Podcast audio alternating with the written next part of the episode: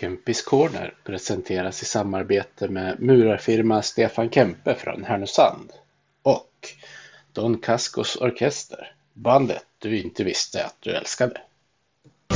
Vi älskar att vinna och hatar förlust Men alltid vi hyllar vårt lag hjärtats lust Övik, ja, Övik, ja, där trivs vi bäst Med matcher i lyan, ja, då är det För vi älskar Modo Vårt hjärta är rött, ja, vi älskar Modo Vårt hjärta är rött Hej och välkomna ska ni vara till Kempis Corner. Det har blivit eh, 62 avsnittet i ordningen. Eh, som vanligt med mig Peter Kempe och som min gäst i det här avsnittet så har jag gamla fantomkeepern Petter Rönnqvist. Eh, välkommen till podden Petter.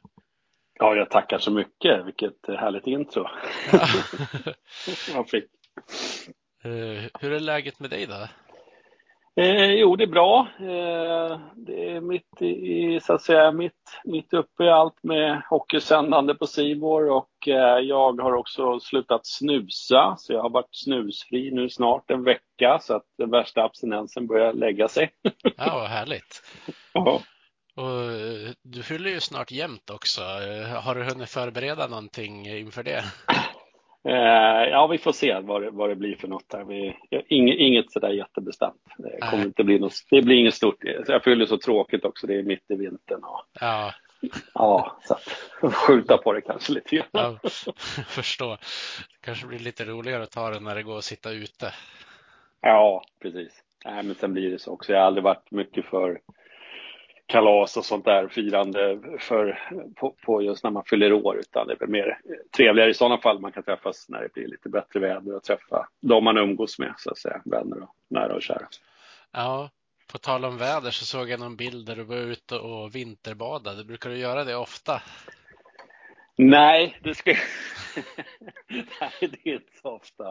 Eh, det är, vi, vi har haft lite som tradition faktiskt att eh, just på nyårsafton med våra grannar som vi umgås väldigt mycket med så brukar vi, eh, när ungarna var med, nu, nu vet man ju inte om man får med ungarna på nyårsdagen ens liksom, sådär på, på eftermiddagen och sådär, men då brukar vi spela hockey faktiskt. Om, om, vi har is här nere så att säga i Stockholm på den sjö som vi har här där jag bor. Eh, Men så brukar vi också sen ta ett litet bad och bada bastu. Så att det blir liksom tradition på nyårsafton. Ja. Eh, Brukar ni köra med eller utan målvakt blir min naturliga fråga då. Nej, utan faktiskt. Jag vet att sådär, det är liksom rätt roligt sådär överallt man kommer så jag var faktiskt hos Björne Nord och hans fru Katarina, gamla Djurgårdsbacken där. Och eh, deras ungar också, de är ju lite äldre nu så de, de också hade målvaktsgrejer och det på ut på landet i somras och ville att ja, men kan vi få skjuta på det? Jag bara nej. jag pallar inte det längre. Nej, det går, går väl bra att komma ner sig. Ja, precis. Det är värre upp. Eh, Ja, nej, ja, det, det, kroppen är alltför paj tycker jag för att eh, stå i målet så att säga, på, i alla fall på riktigt, så här, på is och det. Ja, jag kan tänka mig det blir mycket slitage på de här äh, ljumskar och rygg och allt möjligt. Ja, precis. Eh, det var, det var lite mera, jag ska säga det att det blir väl värre nu också så där man märker när de går ner de här sms eh, och sånt där, eh, skridskor mot stolpe. De höfterna har ju, det hade inte jag problem med höfterna men det känns i knän och, och rygg och axlar tycker jag. Eh, så, så känns det faktiskt ganska rejält. Men det, elit, elitidrott är ju inte nyttigt eh, om man kommer upp oavsett idrott tror jag. Så är det inte nyttigt utan det är, man får sina krämpor och skador sen som kommer. Mm.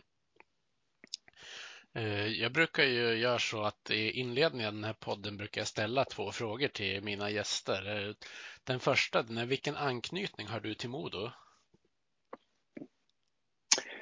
Eh, ja, precis. Det är väl att jag, anknytningen är väl att jag har spelat fyra säsonger där. Det blev väl fyra säsonger? Mm. Eh, jag tror det, va? Ja.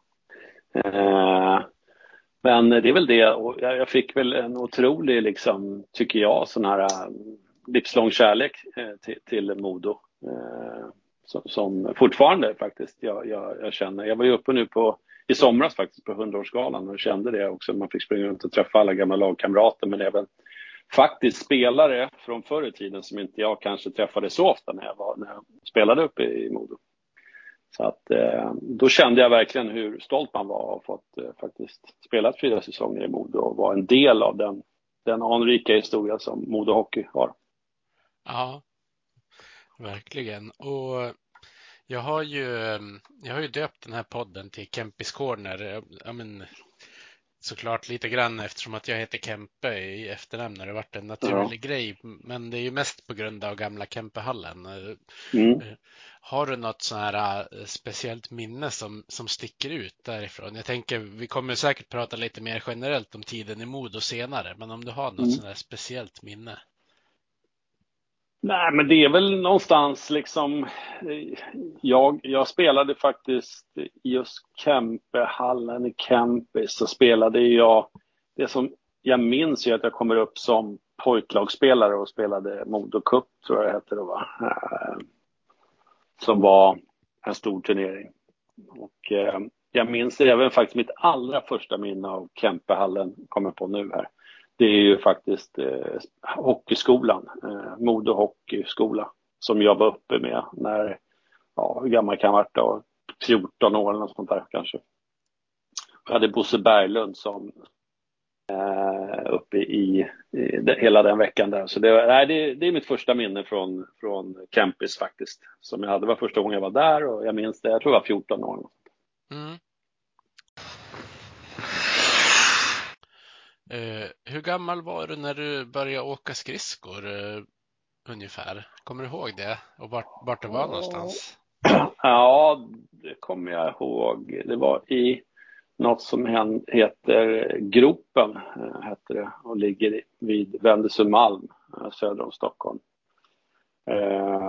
och där tog jag mina första skär med, med tror det var farsan och morsan var med och, och även min yngsta brorsa var med också. Eh, men han kunde inte åka för jag, jag tror jag var tre, fyra eller något sånt där. Och han var väl bara liksom låg i vagnen. Men jag kommer ihåg det att jag hade, jag tror jag var fyra bast eller något sånt där. Mm. Uh, när började du spela hockey på riktigt första gången då? Uh, om man tänker pojklag? Ja, precis. Då var det nog i Stockholm, när jag växte upp, då hade man så här kvarterslag som man började i när man var i sjuårsåldern, sex, sjuårsåldern.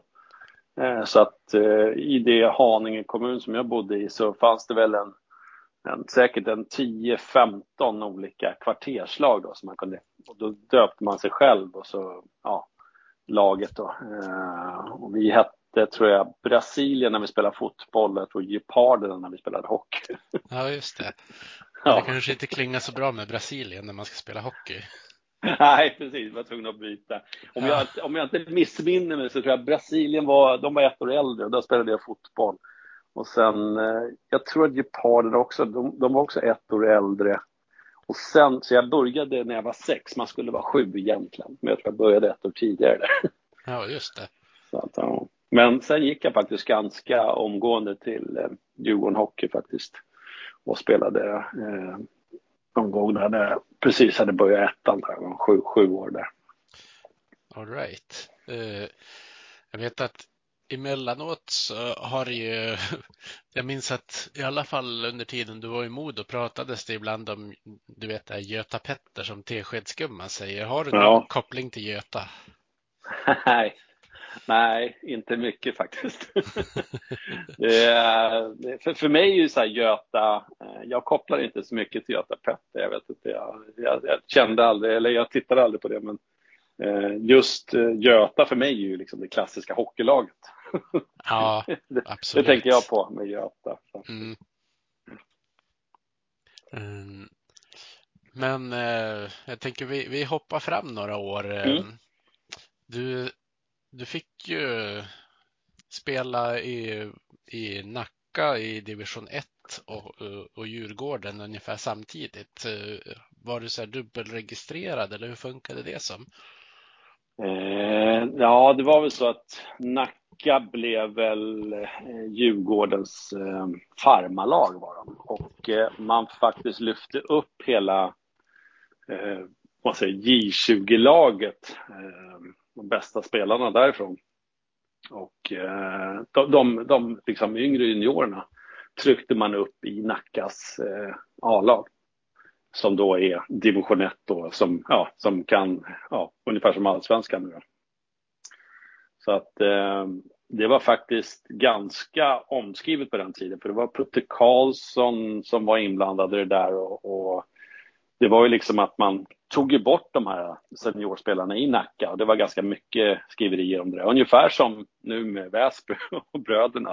Ja. så var det, det var rätt känsligt för den tiden liksom att Djurgården, storklubben, gick bort och liksom tog Nacka då som farmarlag och Nacka med som tyckte de hade sin historia där. Så att, eller, jag, liksom, jag la inte märke till det så mycket då, men jag vet att det var mycket skriverier och, och prata om det. Ja, Eh, och så fick du prova att spela med U18-landslaget eh, och även U20-landslaget. Eh, hur, hur var mm. det att representera Sverige första gången eller första gångerna? Nej, men det var, det var väldigt turbulenta år där innan jag kom med i, just att spela i U18 i landslaget. För att det var ju, jag kom inte med i TV-pucken som sagt var, jag kom inte med i det här Nacka farmalaget. Jag skulle spela med yngre spelare i, eh, i J18 var det meningen. Eh, men av någon händelse fick jag chansen i Nacka och det gick väldigt bra. Sen så bara flöt allting på det året. Jag kom i då i U18-landslaget och fick sedermera också åka till, så vi åkte till Tjeckoslovakien då, eh, som det hette fortfarande. Och spela EM och det var ju mycket modanknytning i det laget. Ja, du är ju född samma år som flera av den där gyllene generationen får man väl nästan säga. Ja, jo men exakt. Det var ju det. När jag kom upp, det var ju Forsberg och Näslund och Salmonsson och Wernbloom och eh, ja, Hasse Jonsson kom med sen. Han var nog inte med, tror jag, första svängen där. Så att, eh, nej, det var ju, jag tror Fredrik Bergqvist var med faktiskt. Eh, han spelade ju för mig. Ja, det var, det var en hel drös med Modospelare i alla fall med i det där första U18 och EM som vi spelade.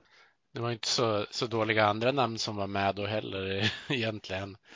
Överlid och Thomas Holmström och Bremberg, eller Linkvist hette han ju då såklart. Ja, ja, nej exakt. Nej, vi, vi hade ju ett riktigt bra lag, men stommen var väl, det var ju Modo, Modospelarna och så var det då några från Djurgården och sen hade vi väl Tornberg och lite sådär och Mats Lindgren var med också för tidigt tror jag och sådär. Ja. Eh, så Marcus Karlsson också, eh, som sedermera skulle komma upp till Modo också. Ja. Ja, mycket kända namn på den tiden också. Ja. Även, även Daniel Marik var med, en, en, spelare som faktiskt jag håller väldigt högt. Han är död nu, han dog alldeles för tidigt, men han, han var med där i junior-EM, kommer jag ihåg. Ruskigt bra spelare, men la av alldeles för tidigt och, efter en skada och sådär. Just det. Så att, eh, ja. Ja, det är ju trist när folk går bort för tidigt. Så. Ja, ja, verkligen. Sen fick du chansen att, att kliva upp och spela lite i, i Djurgården i elitserien. Eh, men du hade väl hyfsad konkurrens där? Ja, precis. Det var ju alltså, jag kommer knappt ihåg det, men för allting gick så fort och man liksom koncentrerade sig på det. var kul att spela i Nacka.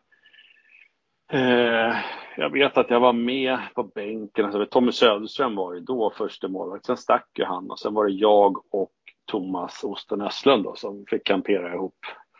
Så vi var ihop där i två år, eh, i början på 90-talet där. Så um, det var ju riktigt spännande och det var ju det också det året jag spelade JVM eh, i Gävle där. Eh, så att eh, det var för två säsonger i Djurgården där som med ja, nästan 20 matcher eller vad det blev som man fick spela. Men det var, det var tufft. Thomas som var aik liksom hade ju, jag tänkte i början sådär, han var stel, han, han hade liksom gått lite tungt i AIK. Jag tyckte att jag, äh, men här kommer, här kommer det lätt, jag kommer bli första målvakt men han, eh, nej, allting stämde på honom när han kom till Djurgården. Han var smidigare i sitt eh, sätt att spela. Han fick otroligt bra utväxling med, med målvaktstränaren Thomas Magnusson som vi hade. Så att eh, det vart inte, det vart andra målvakt, men det, då var man ju ung så man brydde sig inte så jättemycket. Det var bara kul att vara uppe i elitserien. Mm. Kan du inte berätta lite grann om det där, man får väl säga det smått legendariska JVMet? Ja, vad ska man säga? Vi hade ju ett bra lag, det visste vi om och det var ju, det var ju otroligt eh, upphausat därför att det sändes på säga, TV4 eh, och eh, jag tror att det var första som liksom tv-sändes hela JVMet. Och det var även ett bra tryck i Gävle. Det var, det var ju, jag tror det var fullsatt varje match som vi spelade. Eh, jag tror väl att det vi föll på, eh, det, det, var väl lite grann, vi mötte Kanada i en träningsmatch precis innan JVM i Hofors. Och eh, jag tror vi vann med 5-2 eller något sånt där. Nej, så det, det, var ju en rak serie och det, det, var inte heller bra. Vi fick ju Japan i första matchen som sagt var, vann med väl 18-0 eller något sånt där. Och, och, sen hade vi Kanada i andra matchen och det var ju en riktig rysare. Vi förlorade med 5-4. Det var, det var ju liksom den matchen uh, där vi förlorade JVM-guldet. Så att, uh, det var lite synd att det var en rak serie och att vi fick dem så tidigt. Uh, jag vet inte, det kändes så, så hade vi slagit dem då precis innan. Så att det, var, det var lite otur, men det var det var ett otroligt drag så att säga kring JVM och med, med tv-sändningar och allt sånt där. Kommer du ihåg när jag kom hem till Stockholm sen och här är det ju ingen som bryr sig tänkte jag säga i Stockholm så att man spelar hockey. Det var ju annorlunda uppe i Övik. Men det var det till och med folk i, i skolan som hade sett den på TV4 så det tyckte man var lite stort. Ja. Vart det mycket, mycket hockeysnack då ett tag misstänker jag? Ja, men det vart ju det. det. för det, det var dels för en egen skull, eller för, en, för liksom att man inte var van med det och att, att det sändes i tv och sådär. Men, men sen också att det var liksom första liksom gången som JVM blev så stort och att det gick i Sverige och att det var full, fullt hus där uppe i Gävle som hade arrangerat det jättebra. Så det var väl startskottet lite grann till den här populariteten som, som sedermera vi kan se nu, än idag. Ja, ja, verkligen. Det är ju årets höjdpunkt för många det där junior-VMet. Ja, ja, men det är det. Det är en otroligt rolig hockey. Det är ju liksom eh, fortfarande den här ivriga, eh, liksom inte det här tålamodskrävande hockeyn som är när man blir senior, utan här vill alla framåt och alla vill göra någonting. Så. Men jag tycker det har blivit ruskigt bra hockey liksom om man tittar eh, nu på JVM, alltså vilken ishockey som spelas, det är helt sjukt faktiskt. Ja, ja det är otroliga, otroligt duktiga, tekniskt skillade och ändå skolade spelare redan i den där ja. åldern. Ja, nej men det är det som är, jag, liksom när jag sitter här själv och liksom tänker på att ja men det är full fart framåt och sådär. Men nu när man sitter och tittar tycker jag att sista, det har bara gått framåt som bara det de sista åren. Hur, hur taktiskt skillade de är i, i den åldern redan. Ja, verkligen. Eh, men du gick ju till, eh, till Modo 1994. Hur, eh, hur kom det sig att du hamnade uppe i Övik? Eh, ja, det var Leif Bork eh, som, som eh, ringde eh, och eh, tjatade eh, faktiskt på mig. jag var väl på väg till Kanada hade jag tänkt mig. Men eh, Leif ringde och sa det. Jag även hade lite grann eh, i allsvenskan och sådär. För jag var inte riktigt nöjd med, eh, för Thomas eh, Östlund hade spelat för bra i Djurgården där. Så, att, så jag kände att jag måste hitta på någonting för att få speltid. Men det var Leif Borg som ringde eh, och eh, tjatade så att han tyckte jag skulle komma upp. Så jag åkte upp och träffade Bengt Hedin och Anders Melinder och eh, ja, hälsade på killarna eh, som hade, det var väl i maj någon gång tror jag, de höll på med fysträning där i B-hallen och, och lite sådär. Så att eh, det kändes väl helt rätt när jag kom upp dit och fick träffa alla som jag hade spelat med i juniorlandslagen och sådär. Så att jag kände ju alla eh, väl liksom. Så att eh, ja, nej, det, det, det, så det var Leif Borgs förtjänst där som ringde och tjatade. Ja, Eh, då hade du ju eh, Fredrik Andersson att konkurrera med. Ja. Annat. Nej, och det, var ju, det visste jag ju om och, och Modo hade ju också gått till final året innan. Förlorat där mot Malmö, den legendariska finalen. Eh, jag kommer ihåg Martin Horstak som kom fram till mig faktiskt när jag hade skrivit på. Då sa han så här, Uh, Petter, what, what you gonna do here? We have Fredrik already. det, kändes, det kändes inte så direkt som att, uh, mm, tack för välkomnandet Martin. Men vi vart riktigt bra kompisar sen, så att det var, nej, det var en bra kille. Men uh, nej, men det var, det var väl, men så är det ju eh, som, som målvakt. Det är två, två stycken målvakter, man vet aldrig. Jag kände att jag var ung, jag var tvungen att, att bara lämna Djurgården i alla fall och hamna någon annanstans. Så jag, på den här tiden också att som, som så ung målvakt ändå få chansen i ett elitserielag. Det var ju stort bara det. Så att eh, jag tänkte att jag får väl ta upp kampen med, med Freddan. Ja. Eh, hur tog han emot att det kom en, en ny målvakt? Märktes det någonting? Nej, nej. Eh, Freddan och jag var jättebra kompisar och kom överens och, och allting. Sen är ju han en vinnarskalle, eh, precis som jag. Så det, det, är såklart att han vart väl inte så glad när han inte fick spela och jag tror inte han var bästa kompis med Leif Bork, om man säger så. Eh, så att eh, det är såklart att han var besviken när jag fick spela mer och mer och, och sedermera kanske tog över första spaden också. Så att, eh, det var väl inte så, så kul tyckte han. Men, men vi hade alltid en ärlig och rak och, och bra relation, jag och Fredda. Så det, var, det var aldrig något bekymmer. Han var, han var mer förbannad när han förlorade på V75 än, än när han inte fick spela kan jag säga. Ja, just det. ja. Jag tror det var någon gång, det var någon gång han, kommer jag ihåg, någon lördag, han hade, dels skulle han inte spela och sen var han tvungen att träna extra tror jag, på sån här frivillig träning. Ja, just det. För Leif, Leif hade liksom beordrat att och när han kommer in, och det är en lördag, jag tror vi spelade på söndag, och när han kommer in på lördag så är V75 på där inne. Och han ska ju se det sen när han kommer hem, han håller på att banda ja. Så han hörde det. resultatet. Jag har nog aldrig sett en människa vara så arg som han var just då. Dels att jag skulle spela på söndag och så fick han höra V75-resultatet i något lopp där. Han var helt rasande. Ja, han har ju hett temperament, ja, Freddan. Ja, det kan man lugnt säga. Eh, men du fick ju fick väl någon form av genombrott den där säsongen på seniornivå och fick spela med Vikingarna. Eh, kan du inte mm. berätta lite grann om, om dina två säsonger där i Modo? Nej, men de var de här två första säsongerna. Alltså, jag hade ju två bra säsonger tyckte jag själv i Djurgården, alltså som ung, ung junior och komma upp och få vara med i Djurgården och spela lite matcher redan som junior i A-laget. Det var jättekul och sen kände jag att jag behövde gå vidare, så jag hade lite press på mig när jag kom upp till Bodo de här eh, två åren som jag skrev på där först. Eh, och eh, Ja, det jag minns är ju egentligen att jag åkte på en lunginflammation första säsongen till exempel. Jag tror jag var borta hela hösten och missade inledningen. Och det var jättejobbigt, jättejobbig start hade jag eh, i, eh, i första säsongen där och Freddan spelade. Men det är ju så lite grann, som målvakt måste man ha lite flyt sådär. För jag tror inte vi vann så många matcher där i början.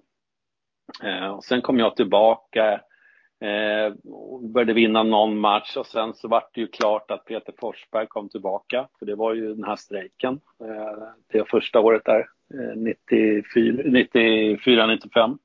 Mm. Så att, och då var det ju också så nära att man spelade allsvenskan efter jul, om man, de två sista lagen.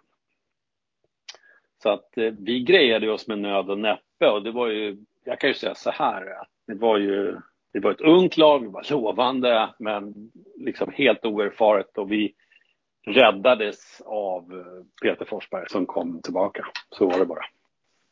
Ja. Så att, eh, sen efter jul så började det liksom, det första året började det liksom rulla på tycker jag, där vi spelade bättre och bättre. Och, eh, tror inte vi kom in till ett slutspel det första året. Eh, men men vi klarade oss kvar och det tror jag var, det var ju såklart oerhört viktigt. Men jag tror vi lärde oss mycket det året. För det är ju, de killarna som var med det första året så att säga, det, det är ju killar som, ja, som sen blir de här stommen i laget när vi sen summerar liksom både SM-guld senare när inte jag var med, men även framgångarna vi hade på slutet på 90-talet. Med Söderberg och Wernbloom och Sundström och Timander och alla killarna. Så att... Ja, det var ju viktigt att de fick chansen. Ja, men någonstans var det ju så. För det, Leif kom ju upp och han ville ju satsa ungt och det var väl lite känsligt där han tog bort en hel del erfaret, eh, erfarna spelare. Och, så att eh, det, det, var ju många som, ja, mm, som var lite skadeglada, eh, skulle jag vilja säga, där just med Leif som kom in och satsade ungt. Och, eh, men vi, vi grejade oss kvar, det var jätteviktigt. Eh, slapp spela allsvenskan och eh, kunde bygga och liksom vidare på någonting där. Så att andra året vart ju väsentligt mycket roligare för oss. Ja, då gick ni ju till slutspel. Mm. Så att, eh, och det var, det hade kunnat blivit faktiskt att det blev, vi som, alltså, hur, jag tänker bara hur snabbt det gick egentligen, för vi var, vi var liksom, vi var väl lite urusla, men vi var inte så bra och räddades av Peter året innan, men sen året efter så eh, här gick det ju så pass mycket bättre för oss. Eh, och eh, vi förlorade ju mot Frölunda som, som spelade mot Luleå i den finalen. Va?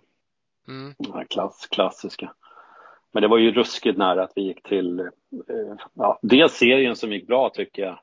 Vi stod ut HV71 tror jag i, i, i kvartsfinal och sen semi och förlorade då i, om det var med 3-1 eller vad var det? Jag kommer inte ihåg riktigt. Så det var lite synd. Mm. Uh, jag vet att du har ju du har pratat om uh, den här semifinalen 1996 med mig en gång tidigare. Mm. Uh, ja. Kan du inte berätta den där incidenten som hade kunnat förändra allting? Ja, men precis. Det var, nere i Skandinavium och, och vi liksom, vi låg under jag tror vi hade, låg under med 3-2 och vi hade 3-3 kassen inne, eh, om jag minns det rätt nu.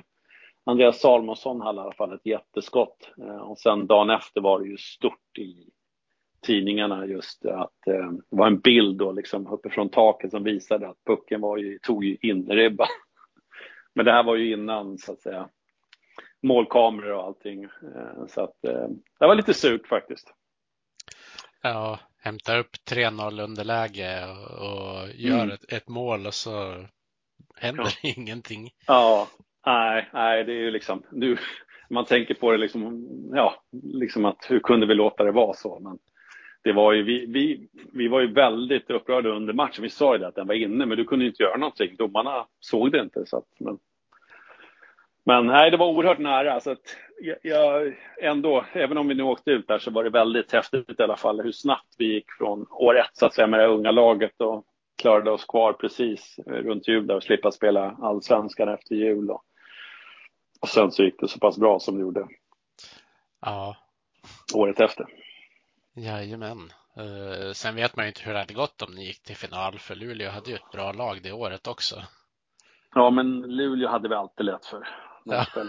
Luleå, nej men de kunde aldrig slå oss, det spelar ingen roll. Jag vet inte om jag har förlorat mot Myllys en enda gång faktiskt. Kanske någon match, men eh, ja. det var, vi vann oerhört lätt mot Luleå, för då var det ju lite kamp också. Eh, det var väl det närmsta vi hade just då på den tiden. Ja, det var en rivalitet mellan Som rivalmöte. Luleå liksom. då. Ja. ja. Mm. Jag minns, eh, vill minnas i alla fall någon match där Wernbloom väl fällde Myllys vid mittlinjen på uppvärmningen eller någonting. Han var i alla fall skogstokig. Uppe i Kempis. Ja, jo, det kan nog stämma. Jag tror han fällde han fler än en gång. Jag de två var inte goda vänner. Nej. Att, det... Nej, men det var, det var faktiskt, det var, det var häftiga matcher då. Eh, för, men, det var ju, det var ju liksom Skellefteå och Timrå och ja, även Björklöven såklart. De, de låg i allsvenskan. Ja, Björklöven var upp något enstaka år där runt 2000-strecket bara. Annars var de väl... Ja, precis, men då spelade jag i Löven då. Ja. fel, fel, på, fel podd för det. Ja, även vi, vi kan ju prata om dina år sen, men jag tänker först kör vi ditt mellanår mellan åren i Modo när du var mm. i, i Djurgården igen. Mm. Ja, men jag valde att gå tillbaka till, till Djurgården efter en efter två riktigt bra säsonger i, i, i Modo, men då kände jag att jag hade haft en ganska låg lön de här två åren. Eh, och eh, börjar man komma upp lite i åren, eh, 22 där, 23, tycker liksom att nu måste jag ju kunna få lite mer pengar. Men det, det var Leffe faktiskt som skulle sköta förhandlingarna. Eh, han tog, tog det jobbet från Bengt Hedin. Så att, eh, då, då blev det så att Leffe sa bara det att du får tänka på vad du har fått av Modo nu istället. Så att du kan, du kan få betalt senare. Jag vet inte hur han tänkte, men, men i alla fall så fick jag fyra gånger mer betalt i Djurgården. Så att, och jag är djurgårdare, så att svårare än så var det inte. Nej. Eh, och där fick du ju göra din riktiga eh, Tre Kronor-debut också den säsongen. Eh, det kanske jag fick. Eh, det stämmer nog. Eh, sånt där minns jag inte ens. Men jag vet att det var, det var väl det var två bra säsonger i Modo helt klart. Där jag fick vara första målet att spela och sen så spelade jag ganska mycket där i Djurgården det året också. och Det gick helt okej okay, faktiskt. Men jag minns inte vilken landslagsdebut eh, det var där. Jo, kanske var Norge eller någonting med matte. Ja, jag vet inte. Just det. Eh, sen hade du två, två starka namn eh, som var med i Djurgården det året också. Andreas Hadelöv och Mikael Tellqvist. Ja, precis. Jag tror Tellan var bara junis då. Han, hade, han var inte i närheten av att spela faktiskt. Han var nog bara på bänken någon match. Ja. Men det var, det var jag och Hadelöv som, som um, kamperade i alla fall. Så att, um, men det som hände efter den där säsongen kan man säga det, det är att Tommy Söderström har ledsnat på NHL-livet och ville komma hem och då hade inte jag någon chans. Nej. så att eh, det var, Tommy ville hem bara. Så att. Ja, och då hade ju, hade ju Modo gjort ett tränarbyte också. Ja, precis.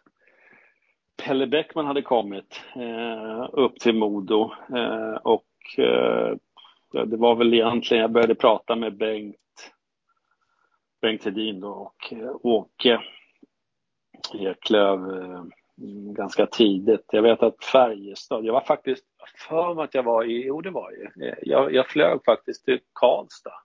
Träffade Loben också. Och jag var uppe hos, det var nog i samband med ett landslagsläge där måste det ha varit, så var jag i, kvar i Leksand för det var Torgny Bendelin som skulle bli tränare i Leksand. Så att, eh, jag hade tre lag då, var Modo, Leksand och, och Färjestad att välja på där efter den här Djurgårdssäsongen.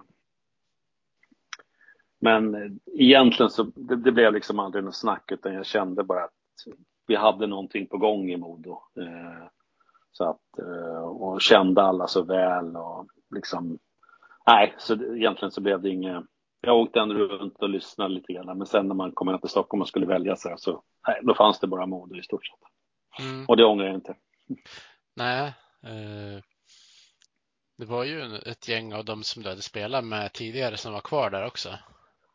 Ja, gud ja. Eh, det, det, det, det var ju liksom hur många som helst tänkte jag säga, men Wernbloom, Söderberg och eh, Salle och Svarten och Jansson, Jonsson. Ja, nej, det var ju hur många som helst. Ja. Att, eh, ja. Och så kom Fredrik Andersson in mitt under säsongen också. Ja, men precis, för det om jag inte missminner mig fel här nu så var vi nog, det gick ju inte sådär jättebra första säsongen faktiskt, eh, eller första halvan ska jag säga, av, av eh, 97-98 säsongen. Så det gick det faktiskt, jag tror vi låg i botten faktiskt runt jul där. Så att eh, jag tror Beckis var ju riktigt missnöjd med mig och faktiskt, jag tror att han ville ha bort mig där faktiskt. Eh, om jag ska vara riktigt ärlig.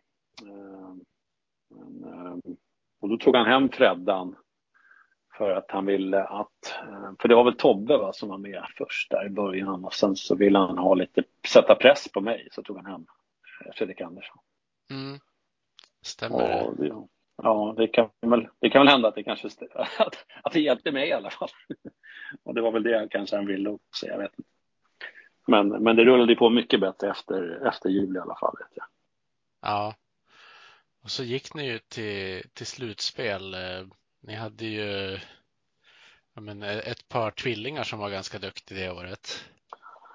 Ja, precis. Eh, de var ju ännu bättre året efter. Men det var väl egentligen det där man tittar på när vi, just första året där när vi, när vi åkte ut mot Djurgården va, i semi. Så var det ju, mm, det var ju liksom någonstans så vi var alldeles för eh, vinklippta. Vi hade för mycket skador. Marcus Karlsson var skadad. Frans Jonsson var skadad. Det var eh, Ghana var skadad. Jag tror vi hade fem man borta faktiskt som var liksom toppspelarna. Eh, just när vi skulle spela den här femte avgörande matchen. Ja. Så att eh, tyvärr, det, det, det var skadorna som tog knäcken på oss där. Men eh, det, det var en härlig semifinalserie i alla fall gick. Ja, det var, eh, det var en speciell eh, serie det där. Eh, kan du inte berätta om, om själva slutspelsserien? Ja, det var väl, jag tänkte säga att det, allting hände den semifinalen mot Djurgården. Eh, det var ju enorma liksom, spänning i matcherna och de liksom jag kommer ihåg någon match där så var det ju slagsmål inne i korridoren och en sån här eh, jag började bråka med Marcus Nilsson och Patrik Kjellberg samtidigt inne i korridoren och en sån här kamera gick sönder för jag vet inte vad de kostar men så det var lite, det var lite känsligt efter matchen där.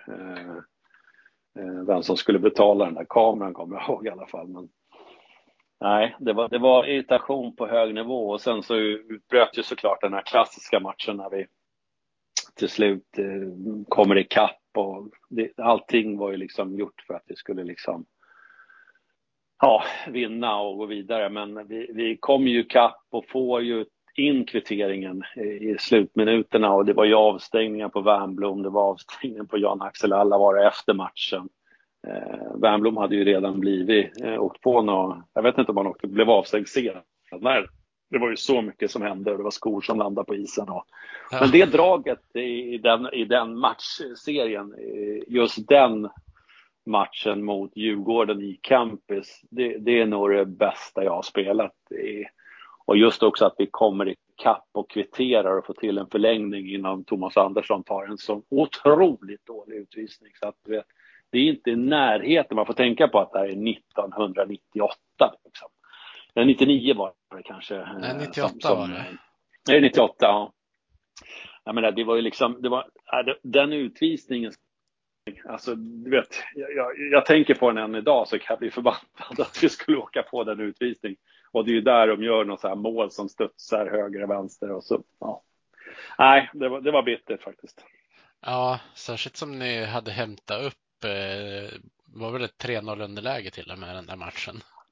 Ja, precis. Ja, vi har haft en del sådana matcher, men det vill sig inte liksom. Eh, jag tänker på för två, två säsonger tidigare där mot Frölunda i semi. Har pucken inne men det, inte, liksom, det ser man inte. Och, mm. och nu här också, så här, liksom, vi går dit men blir, jag skulle inte säga att vi blir bortdömda men, men det var en riktigt taskig utvisning. Vi hade kanske förlorat i alla fall. Ja. Men de gjorde mål i det powerplayet i alla fall. Och, och jag visste att vi hade, skulle vi gå till final det året så var det den matchen. För att sen, som jag säger, vi hade för många skador så att det, vi hade inte en chans. Nej. Sista matchen. Ja. Uh, går det att återge ungefär vad, vad Pelle Bäckman sa i periodpausen inför den tredje som fick igång er?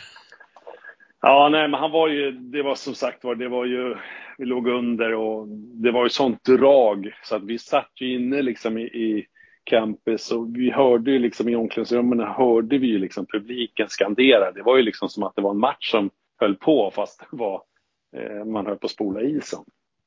Men han pumpade upp oss rejält där med. Det var ju liksom, eh, det var, du vet, vi, vi var ju, han verkligen lyfte laget så att vi var ju hjältarna som skulle gå ut och avgöra det här. Och skulle vi vinna så skulle vi få, det var pokaler och det var röda mattan och hela Sverige, det var Jerringpriset. Mm. det var liksom allt skulle vi få om vi liksom lyckades vinna det där. Och, och, så att, ja, det var nära, men det tyvärr. Ja, eh, sen kom ju den där eh, omtalade incidenten med, med kuben och Allavara och så är ju du mitt i händelsernas centrum. Och vad var det som hände där egentligen?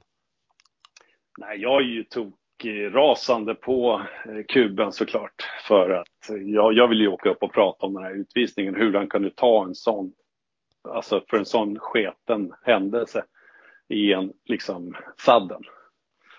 Eh, så jag åker ju upp direkt när de har gjort det här målet så är jag på väg upp med honom. Men då kommer ju Jan-Axel vara i världens kareta där och kör över honom. Det var väl det var någonstans att kuben började yra om att det var jag som hade fällt honom. Det kan hända att han ramlade på mig sen när han väl ramlade. Men nej, så det var Axel, Jan-Axel var inte glad kan jag säga. Nej. Nej, och vad var det han fick för straff sen? Eh, Typ 11 månaders Oj. avstängning eller någonting? Ja, jag, jag, minns inte, men det var väl något, det var väl något sånt. Va? Och jag tror att Wernbloom fick väl 20 matcher eller något sånt där eh, för att han hade slagit klubban i plexit. Eh, så, ja. det, var, det, var rätt, det var rätt hårda straff. Sen var det ju inte liksom, det var ju inte meningen av eh, alla var det heller, köra över kuben. Det var ju liksom mer han kom och så skulle han bromsa. Så, det var inte full, hade han kört full fart då hade ju kuben hade fått skrapa loss han från sargen fortfarande. Liksom. Ja. Att, men ja. nej, det är såklart skulle, det, det var ju inte okej, okay, men, men det, var, det var riktigt hårda straff i alla fall. Ja, Eh, på tal om kuben så tror jag aldrig han riktigt kände för att ha någon sån här situation med Modo igen. Eh, för det året som, som Peter Forsberg gjorde comeback i Modo så spelade de ju någon match nere i Timrå. Och så var det någon utvisning som inte blev tror jag. Och så, så vände Foppa vid, vid blå linjen för att åka ner till kuben som är nere i hörnet. Han har inte ens hunnit komma halvvägs dit så har han dragit ett misconduct-tecken. Ja, nej, men han var, han var väl inte så populär i Örnsköldsvik om man ska vara riktigt ärlig efter den där matchen. Men jag tror nog att han, han skulle få problem än idag att åka upp dit faktiskt. Ja, han får sitta, sitta på någon undanskymd plats på pressläktaren om han ska vara där skulle jag tro. Han kan nog inte sitta på sitt plats i alla fall. Nej, jag tror inte det tänker man på hur stämningen var i, i Kempis att det är säkert delvis samma folk som är på de där matcherna. Så. Ja. Eh, men du hade ju en, en ännu bättre säsong året efter. Var det, var det du som blev bättre eller var det laget som var bättre eller var det liksom en effekt av både och? Ja, det var nog laget som var bättre. Det är klart att man utvecklas ju hela tiden som målvakt. Man får spela och eh, får förtroende från tränaren och från gruppen och, och mer erfarenhet. Så det är väl självklart att man blir bättre eh, också. Eh, men vi var ju, det råder inget tvivel om det, det året så spelade vi en enastående, en magisk hockey skulle jag säga många gånger. Som kanske inte alltid var så lätt som man tror, även om jag fick ju liksom vi hade ju trycket väldigt mycket. Eh, mycket anfallstid, eh, bra säkra backar. Eh, och, och liksom allt ifrån Kable som är bara en av de bästa backarna jag spelar med. Men, eh, men det var ju liksom de här yngre som kom upp på den tiden. Pierre Edin, Holberg som kom upp och var bra. Och sen Jonsson med sin tuffhet. Alla var det som var tuff också. Så att det var ju liksom någonstans så, så hade vi ett sånt gediget, bra inött försvarssystem och sen då framåt så hade vi ju liksom, det var ju Cetina. Det, var ju där vi byggde allting och oftast med Paulsson emellan om jag minns rätt. Mm. Så att, eh, nej, vi var, vi var en riktigt stark, eh, stark trupp. Det var vi, det var det inget tvivel om. Och jag tycker Beckis byggde laget bra liksom med hans käpphästar. Eh, med det här vinna man mot man. Och göra klart situationerna och, och sen så han hade en rätt rolig filosofi, Bäckis, ibland han sa att det var liksom ingen idé att ha anfall, för han var less på Sedina, att man kunde snurra i en minut i anfallszon. Han sa det. Grabbar, har ni inte gjort mål inom tio sekunder kan ni ge bort pucken. så ställer vi, ställer vi upp i styrspel istället. Ja. så att, eh, ligger vi lite grann i det. Men, men eh, nej, så det var, det, var, det var en otroligt stark trupp. Som jag väl tyckte vi hade året innan. Men men det är väl liksom, bitarna föll på plats det här året och det är ju som sagt var bara egentligen de två sista matcherna som vi inte lyckas vinna och speciellt den hemma då. Eh, även om jag tycker att vi förlorade, guldet förlorade vi i fjärde matchen eh, mot, eh, där nere i, Gavlerinken. Mm. När vi ledde med 4-1 en bit i andra tror jag, de gjorde 4-2 eh, tror jag innan sista. Så det, där, där förlorade vi guldet för att på någonstans där så kände vi nog mentalt att vi, vi hade vunnit och sen skulle vi upp och även, jag tror vi hade så 18-19 raka hemmavinster uppe i campus. Ja. Och ska, och ska upp och spela hem bara guldet, även fast vi förlorade den här fjärde på ett snöpligt sätt. Så, men det var nästan så att liksom, vi blev knockade av match fyra. Det var där vi förlorade guldet. Vi repade oss aldrig som individer eller som, som trupp. Och jag tror nog faktiskt att alla får ta åt sig där, även Bäckis också som inte fick ihop. Jag tror han var också lika snopig när vi förlorade match fyra där. Så att, nej, vi, vi repade oss aldrig efter den förlusten. Det var lite granatchock kanske i sista matchen. Ja, det vart nästan så. Och jag, jag har faktiskt för, ja, det är väl ett halvår sedan eller någonting, som jag för första gången har sett den här femte matchen. Mm. Eh, och jag kan säga så här, som vi spelade där, du vinner ju nio gånger av tio. Om du ja. spelar samma match. Alltså, vi hade ju alltså, det var missade öppna mål. Vi hade, sköt i stolpen tror jag två, tre gånger första perioden. Ja. Eh, och de har ju ett extremt eh, bra flyt när de gör sina mål. Det, det är liksom, Molin gör 1-0 när han missar pucken. Alltså det är sådana grejer som när jag sitter och tittar, jag bara minns den exakt den här sista finalen. Liksom. Mm. Han ska liksom lägga upp den i krysset och träffa den på hälen som går mellan benen. Ja. Och sen gör de ett riktigt snyggt eh, två, andra målet de gör det ju riktigt snyggt. Uh, men vi, vi jobbade och vi hade tålamod, vi gnuggade, men, men vi fick inte den här ledningen och, och någonstans så Ja. ja. men vi gör en bra, jag tycker vi gör en bra sista match. Vi skulle ha vunnit, skulle ha vunnit den matchen.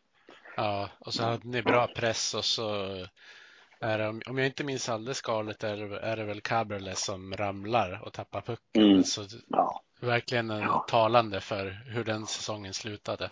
Ja, nej men det var väl alltså någonstans så, så dominanta som vi var hela den säsongen. Det var ju var ju fantastiskt att få vara med om bara. Eh, och det, för mig så var det ju kulmen då på, på en fyra, fyra år. Eh, fyra års tidperiod där uppe så att säga med uppehåll där ett år. Men de, de fyra åren hur vi växte, de här yngre spelarna och alla som var med eh, hela den här resan. Och det, var, det var synd att det inte blev ett guld. Det, var, det är så här någonting som man kan känna fortfarande på att Ja, oh, där skulle vi haft. Den skulle vi haft. Det var våra.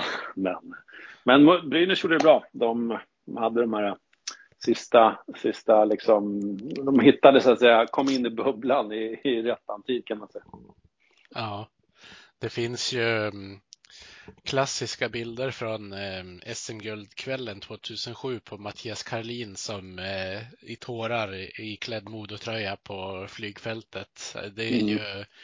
Det är lite efterspel eh, efter att mm. han kände att, de, att ni tappade det där guldet 99 som gjorde att han fick tillbaka känslor från det också utöver glädjen att Modo vann då såklart. Ja, ja.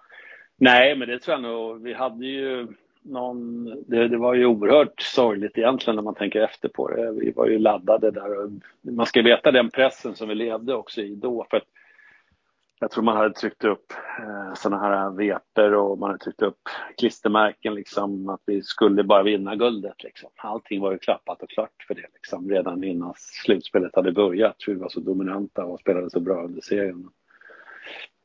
men eh, någonstans så var det ganska, även slutspelsrundorna från kvartsfinal eh, Malmö till, eh, vad hade vi semi? Eh, kanske var Malmö i semi, jag kommer inte ihåg. Nej, var Frölunda, Frölunda kvarten tror jag, så Malmö i semi tror jag. Det var inga lätta matcher det heller. Vi fick liksom slita för det, för det, var, det blev en annan hockey liksom. Och vi vann på tålamod, ungefär som femte matchen var, så vi fick liksom kämpa oss till segrarna. Det var inte så att vi vann med 6-1 och så var det klart, utan det var jämnt. Eh, vi vann inte stort. Så att, eh, men det var, det var en häftig resa, men tyvärr, det är liksom, man spelar över 60 matcher liksom eh, en säsong och så gör man ja, en, en, en dålig match. Fel. Fel tillfälle kan man säga. Ja. Ja, det var surt att ni inte kunde kröna det med, med pokalen, men det är ju mm. historia vid det här laget. ja, men det var, det var en otroligt fin resa den säsongen, så det var när man träffar, träffar varandra nu så är det ju bara med glädje och man har så roligt tillsammans och man minns olika matcher, olika händelser och hela den här för mig då, hela den här fyraårsperioden, men, men just den sista året där som var så för mig då som var så otroligt bra. Och jag minns ju också sen hur de här killarna som jag spelade med under den här fyraårsperioden, sen på, när jag sitter på läktaren och, och får kommentera det här guldet som blir då. Eh, det, det var också jag, har, jag, jag, kommer nog aldrig få det så jobbigt som jag hade just då när jag kommenterade då för att det var liksom, det var så känslomässigt för med liksom svarten som tekade och alla som var inne på isen där i sista, eh, sista bytet. Så då, då var det faktiskt jobbigt att kommentera och så har jag aldrig känt efter det. Eh, det, här var ju mitt, det var mitt första år som jag kommenterade ett slutspel. Så att, eh, uh, jag har aldrig haft något problem med att vara neutral och sånt. Jag hade inte det året heller, men just då blev det känslomässigt för mig. För det var så otroligt härligt att Modo fick vinna efter ja. snabb, alltså, snabba förlusten 99. Ja, du kanske kände på något sätt att det var eh, revansch för de som hade varit med då i alla fall. Ja, ja, gud ja. ja, ja. Men jag kände nästan samma glädje som att jag själv hade varit ute på isen. Det var liksom mer så jag kände, för Modos skull, för Öviks skull, för killarna som jag kände så nära, för Lonken, för liksom hela bygden kände jag liksom. Så jag var, det var nästan som att jag själv vann guldet. Liksom att jag liksom det, det, var så var känslan. Och jag, jag vet att jag satt och höll mig där uppe när jag kommenterade liksom att det skulle vara så. här men det, var nog, det är nog enda gången som, det får jag nog erkänna, eh, det var, det var jobbigt eh, den gången att kommentera. Då hade jag lite svårt att vara neutral faktiskt. Det har jag ja. inte numera. det, var, det var för många man kände just då. Ja. Efter den säsongen fick du göra ditt första VM också. Mm, precis. Eh, det var i Lillehammer så att eh, det hade ju rullat på där man var med lite. Man spelade BVM, man spelade ja, JVM, BVM och man fick spela några A-lagsmatcher där, Tre Kronor-matcher och sen så blev det då ett helt VM. Eh, så att det var väl roligt, tyckte jag. Jag tyckte inte det var så roligt när Salo kom och skulle spela över sig. Jag tyckte att jag var bättre än honom så att det var, jag var nog ingen, jag var nog ingen bra andremålvakt just då den perioden. Nej. Nej, man blir väl lite, lite sur då när man väl har fått chansen. Ja, precis. Jag tyckte jag hade en så bra säsong bakom mig också i, i, i elitserien med Modo så att eh, det var väl lite det också som jag kände sådär, men ja.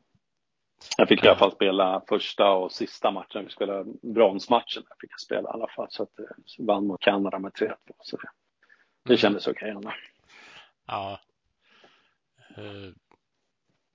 Det var ju det var ingen dålig säsong du hade heller egentligen bakom det med 1,86 insläppta mål per match och 92,2 i räddningsprocent. Det var ju riktigt bra siffror.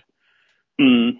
Nej, det var väl, alltså jag tror jag slog alla rekord som gick att slå just då. Det var väl ingen som hade haft lägre goes against och ingen som haft högre räddningsprocent och ingen som hade haft så många nollor heller, åtta stycken på en säsong. Så, men, men det kände jag mer var så här, liksom, hela lagets prestation. Det blir ju så när det blir man är så beroende av att synka med, med försvararna och allting. Eh, sen, även om jag hade kommit upp och jag spelade stabilt och jag kände mig bra så, så liksom just när man ska forma siffrorna så då måste man ha hjälp av ett, av ett bra, starkt lag framför annars är det omöjligt.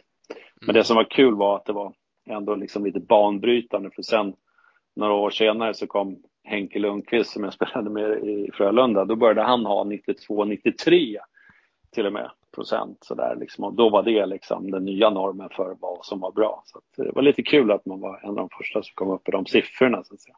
Ja, det hade varit jäkligt intressant om någon kunde sitta och räkna ut sådana här um, expected goals save och mm. allt vad de där uh, statistikerna hette från en sån säsong.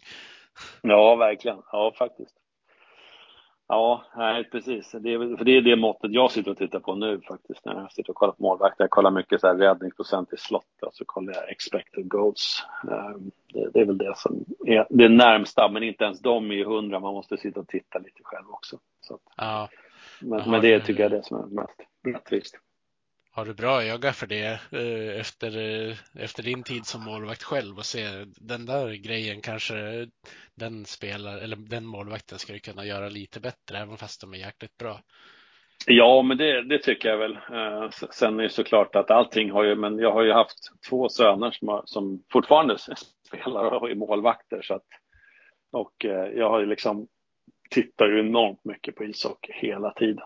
Eh, och självklart med, med lite extra öga på målvakten alltid då liksom. Så att eh, det är ju liksom självklart att jag, jag anser mig ha ganska bra koll. Jag kan se direkt om en målvakt är bra eller dålig. Det kan jag se direkt bara efter några fem minuter. Mm. Tänker vi ska lite hastigt gå igenom resten av din spelarkarriär också. Du fick ju testa att spela i Schweiz. Var det eh, hette han Linkvist då som, mm. som lockade med dig dit då? Eh, ja, det var väl Davos som hörde av sig till faktiskt. Jag tror att jag var den första de signade Eh, jag tror att jag var faktiskt den första det året. Då. Det var ju tre, tre importspelare fick man ha i Schweiz på den tiden. och eh, de, Davos hörde av sig redan tidigt, i, jag tror de hörde av sig i januari, när jag var i Modo det, det året. Så att, eh, och jag var ju draftad av Ottawa och hade inte liksom hört något och sådär. Så att jag bestämde mig ganska tidigt. Sen kom faktiskt Linkvist och Petri Nummelin eh, efter det. Så att, eh, det var, det var, Linkan kände jag ju väl sen, sen Djurgårdstiden. Vi har ju spelat ihop sen pojk, pojklagsspelare i Djurgården och, och sen A-lag och han var ju med i J-landslag och allting. Men eh, det, Petri Nummelin var ju en ny bekantskap för mig så att det var en härlig prick. Mm.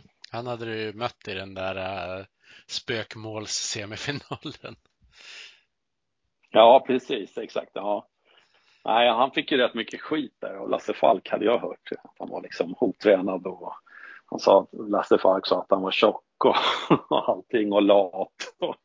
Men eh, Petr Nummelin var allt annat än lat kan jag säga. Det var jäklar vad seriös han var. Mm. Så att, um, Nej, så det var, det var, jag var där i två år i Davos, så det var två roliga år. Eh, men Nummelin och Linkan försvann efter första året och så var jag kvar med tre kanadicker och eh, då var vi då fyra importspelare och det var tre som skulle spela så jag hamnade lite vid sidan. Ja, just det. Ja, då blir det ju surt förstås. Mm. Och sen flyttade du tillbaka till Sverige och då eh, de tre kommande säsongerna var det ju Björklöven och Västra Frölunda och Leksand.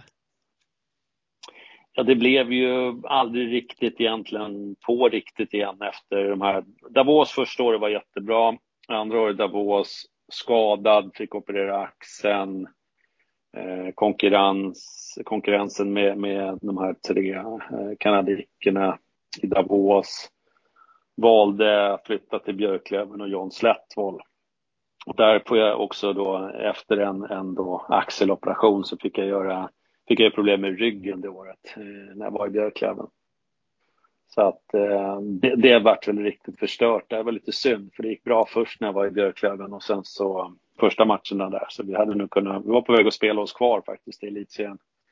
Men sen så pajade min rygg och så var jag borta resten av eh, hela vårsäsongen och missade kvalet och allting och sen åkte Björklöven ut. Så det var lite surt. Men sen gick jag ju till Conny Evensson som hörde av sig till Västra Frölunda, eh, som de hette då. Eh, och då var ju en, en ung målvakt som hette Henrik Lundqvist också med eh, i truppen. Så att, eh, det, det, var, det var väl kanske den sista riktiga säsongen skulle jag vilja säga innan, innan mina skador gjorde sig, min rygg gjorde sig eh, eh påmind igen. Mm. Ja, han, han fick en ganska bra karriär den där Henrik Lundqvist efteråt också. Ja, han var, hyfs, han var hyfsat. Han lite flyt där. Ja. ja, nej, han var, nej, han var, det var enormt vilken, vilken vinnarskalle och vilken träningsprodukt. Det var liksom, nej, han, var, han var rätt bra för mig det året. Uh, jag hade haft skador och det, men, men tränade på bra där. Och, så att uh, han, uh, men han fick spela och fick hoppa in när jag skadade mig, skadade mig där i slutspelet.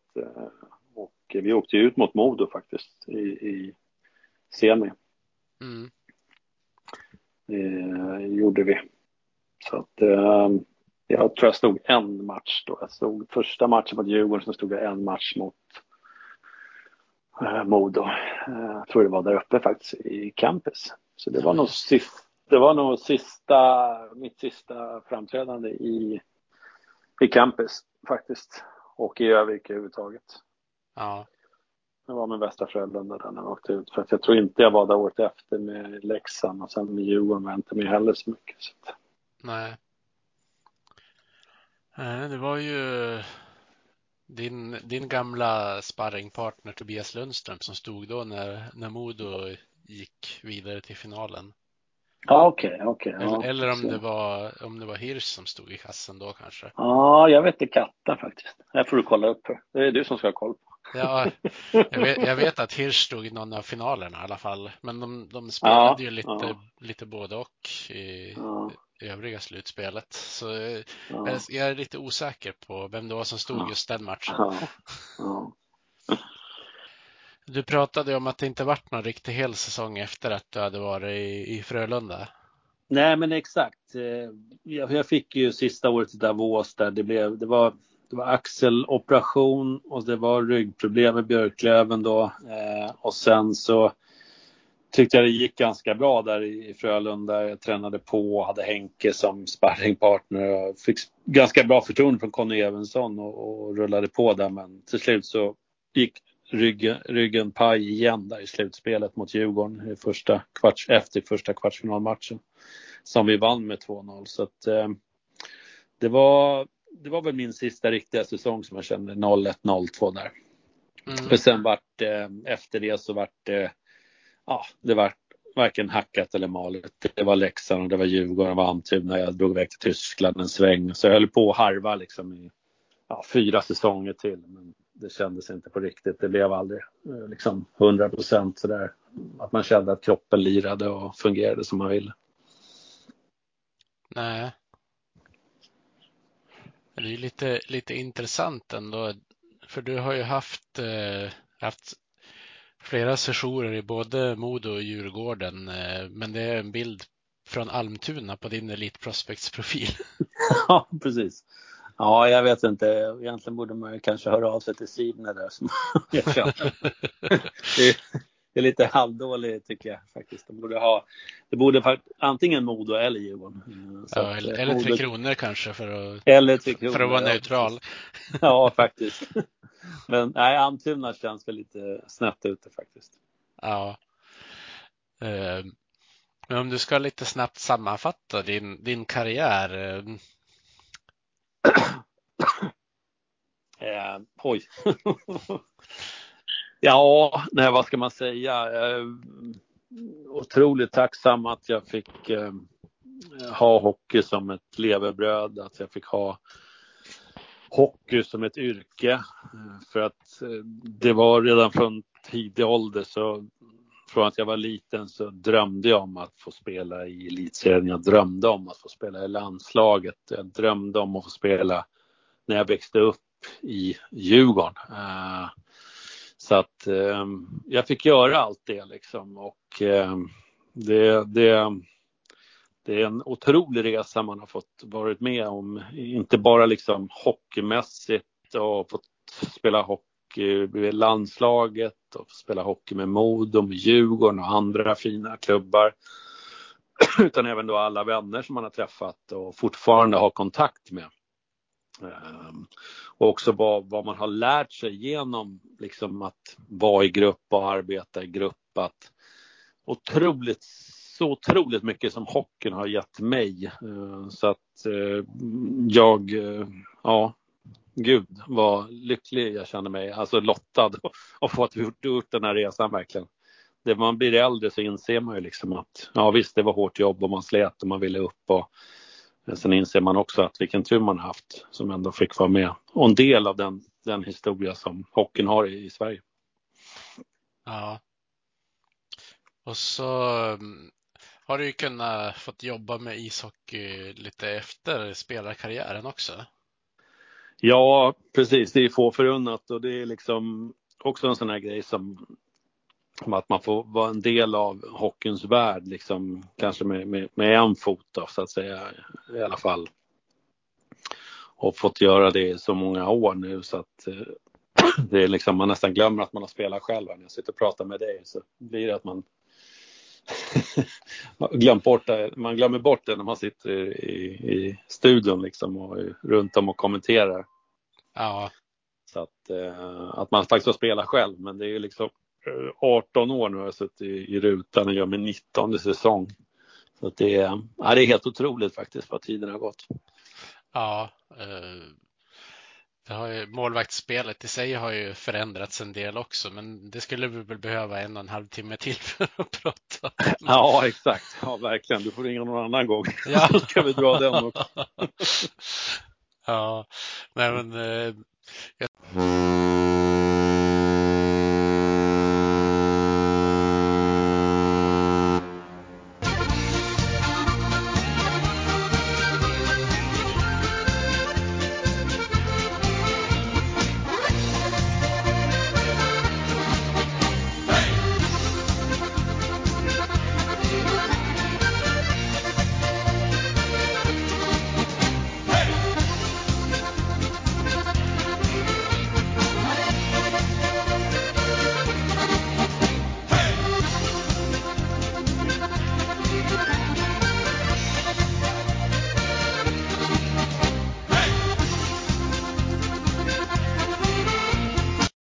tänker att uh, vi ska avrunda mm. med, med, lite lyssnarfrågor. Mm. Uh, innan vi stänger butiken för idag så att säga. Yes. Mm. Jag har ju fått två frågor via mail. Uh, en är från Björn Lunneborg. Han undrar hur mår kroppen idag? Knän, ljumskar och rygg är väl lite slitna efter karriären?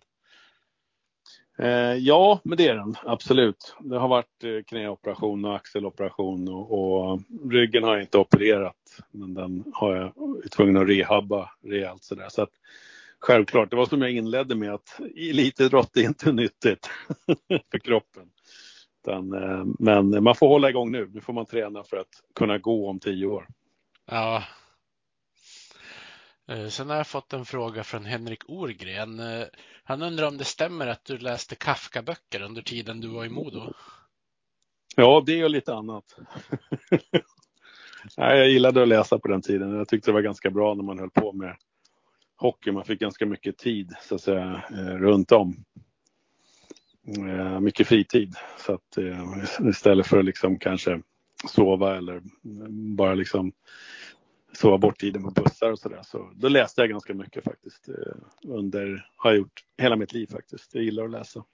Ja, det är bra att ha någonting helt annat att sysselsätta huvudet med. Jag kan tänka mig att annars blir det väldigt mycket att man tänker på livet man har som hockeyspelare. Ja, Ja, nej men det är det. Jag, det är väl mitt råd till, till hockeyspelare nu att det är liksom försök att ha någonting vid sidan om. Jag, jag inser ju själv att när du är i SHL så kan du inte jobba eller något sånt där men, men du behöver ha någonting eh, någonting att fokusera på förutom hockeyn. Det kan vara att man liksom pluggar på distans, det kan vara att man öppnar upp en bok eller man intresserar sig för något ämne så man liksom får något annat att tänka på så man inte bara lever i den här hockeybubblan för då går man runt med hockeyutrustningen i, i lägenheten hemma, då blir det sällan bra. Ja, på tal om hockeyutrustning, har du själv kvar några sådana gamla grejer sedan du spelade? Eh, nej, jag tror jag har gjort mig av med det sista nu faktiskt. Jag har några masker har jag kvar faktiskt. Ja, just det. Mm, det har jag. Eh, de är någonstans i någon källare. Jag, jag, jag, är inte så, så att jag spar grejer utan jag har gett bort ganska mycket och sen så de grejerna jag har, de, de ligger i källaren någonstans. Så att, mm. eh, ingenting uppe eller något sånt där utan jag har gett bort ganska mycket faktiskt tröjor, matchtröjor och sånt där. Det, det vet jag, det har gett bort. Då. Ja. Jag De såg, klubbar. Mm. Jag såg för några år sedan en bild på Tommy Söderström när han hade plockat på sig sina gamla, om det var Djurgård eller Tre Kronor-grejer och gått ut och spelat landhockey med några grannar som hade fotats. Det var ju lite häftigt att se. Ja, nej, men han har kvar sina. Han, han är ju fan pigg och fräsch fortfarande i kroppen. Alltså, jag fattar inte hur han har gjort det, men han, han ställde upp där. Det är faktiskt rätt. Det är, det är så mycket Tommy Söderström över den grejen. Liksom, se ett gäng grabbar och så ska han göra dem glada och så går han ut och ställer sig liksom. Ja. Sin helt underbart, helt underbart gjort. Ja. ja, ja det är häftigt. Eh, jag såg ju någon bild från, eh, från derbyt när ni, ni var några stycken gamla legendariska Djurgårdsmålvakter som var med på bild. Ja, men precis. Ja, det var ju faktiskt roligt. Det var det är faktiskt nu när man blir äldre som jag säger, det var uppe där i somras där på 100-årsskalan med Modo och få träffa liksom alla, alla legender där uppe. Det var alltså enormt roligt och det var samma nu faktiskt för nu var det liksom, hade de liksom försökt samla ihop alla gamla djurgårdare genom tiderna liksom med derbyt mot AIK och så att få träffas liksom igen och så var det så kul att Roffe, Roffe kom samtidigt. Så kom Söderström var där och så kom Tellan och så kom vi in i den här logen samtidigt och så bara, ja, vi måste ta en bild. Kom igen. alltså, vi kommer säkert aldrig ses allihopa igen så här liksom. Nej. Ja, det var jättekul faktiskt. Mm. Det var roligt. Eh, tänker vi ska avsluta med en liten skröna som jag har fått skicka till mig från Björn mm. Sjödin. Mm. Eh, den handlar om säsongen 98-99 när Tobias Lundström var backup till dig. Ja. Eh, han skriver här, i en bortamatch mot Löven verkade Petter åka på en skada i mitten på andra, men han stod kvar perioden ut. Inför tredje klev Tobias in i kassen. Eh, Modos dåvarande läkare jobbade på Umeå universitetssjukhus. Han ska efteråt ha sagt till sina kollegor att Petter inte ville byta eftersom för att en eventuell nolla skulle räknas in i statistiken behövde man stå perioder, två perioder. Mm. Eh, Modo vann med 4-1 men hade 4-0 efter två. Han undrar om skrönan stämmer och om du fick den där nollan. Nej, jag fick inte nollan. och, eh, och jag, eh, nej, det kommer jag ihåg den här matchen faktiskt. Jag eh, kommer inte ihåg vad det var för något, men det var någon bristning tror jag jag åkte på faktiskt. Som gjorde att jag ville ta det försiktigt. Så att skrönan att jag inte ville hoppa in eller något sånt, den stämmer inte. Nej. Jag, vill, jag ville spela jämt. Men... Ja. ja, men då har vi fått, fått svar på den i alla fall. Ja, jag skulle haft en nolla egentligen, så då hade jag nio nollor. Ja. Ja, det var, var ett pappersfel någonstans med andra ord. Ja, exakt.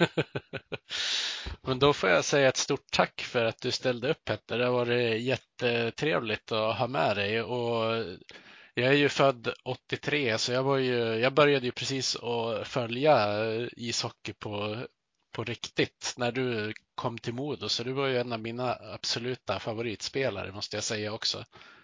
Ja, ja men tack. Ja, nej, men det är alltid, alltid roligt att, att få prata med gamla modoiter och de som har sett mig spela. Och det är även faktiskt nu i Stockholm, när, när liksom, om man är ute, inte så ofta man är inne i stan, men så det händer då och då att man liksom, ja men du, det är Petter Enqvist och så är det någon från Örnsköldsvik. Så det är alltid lika roligt liksom att prata lite Modo, Modominnen med folk som kommer ihåg Kempehallen och, och de här åren. Så att, eh, det känner man, det är rätt roligt faktiskt. Ja, verkligen. Och, och du är ju en väldigt uppskattad människa i, i Övik fortfarande, det vet jag. Ja, det tackar vi för. Så säger jag återigen tack till dig och så tack till alla som har lyssnat och så får jag önska en, en god fortsättning. Ja, detsamma. Och så håller vi lite grann här på att Modo går upp nu. Ja, absolut. Ja. Det, är, det är mycket på gång just nu. Ja, det känns som det. det ja, jajamän. Ja, ja, ha, ha det så bra. Hej. Hej. Vi hejar på Modo, rödvit och grön. Klubben i hjärtat, en känsla så skön. Övik, ja, Övik, ja, där trivs vi bäst. Med matcher i lyan, ja, då är mi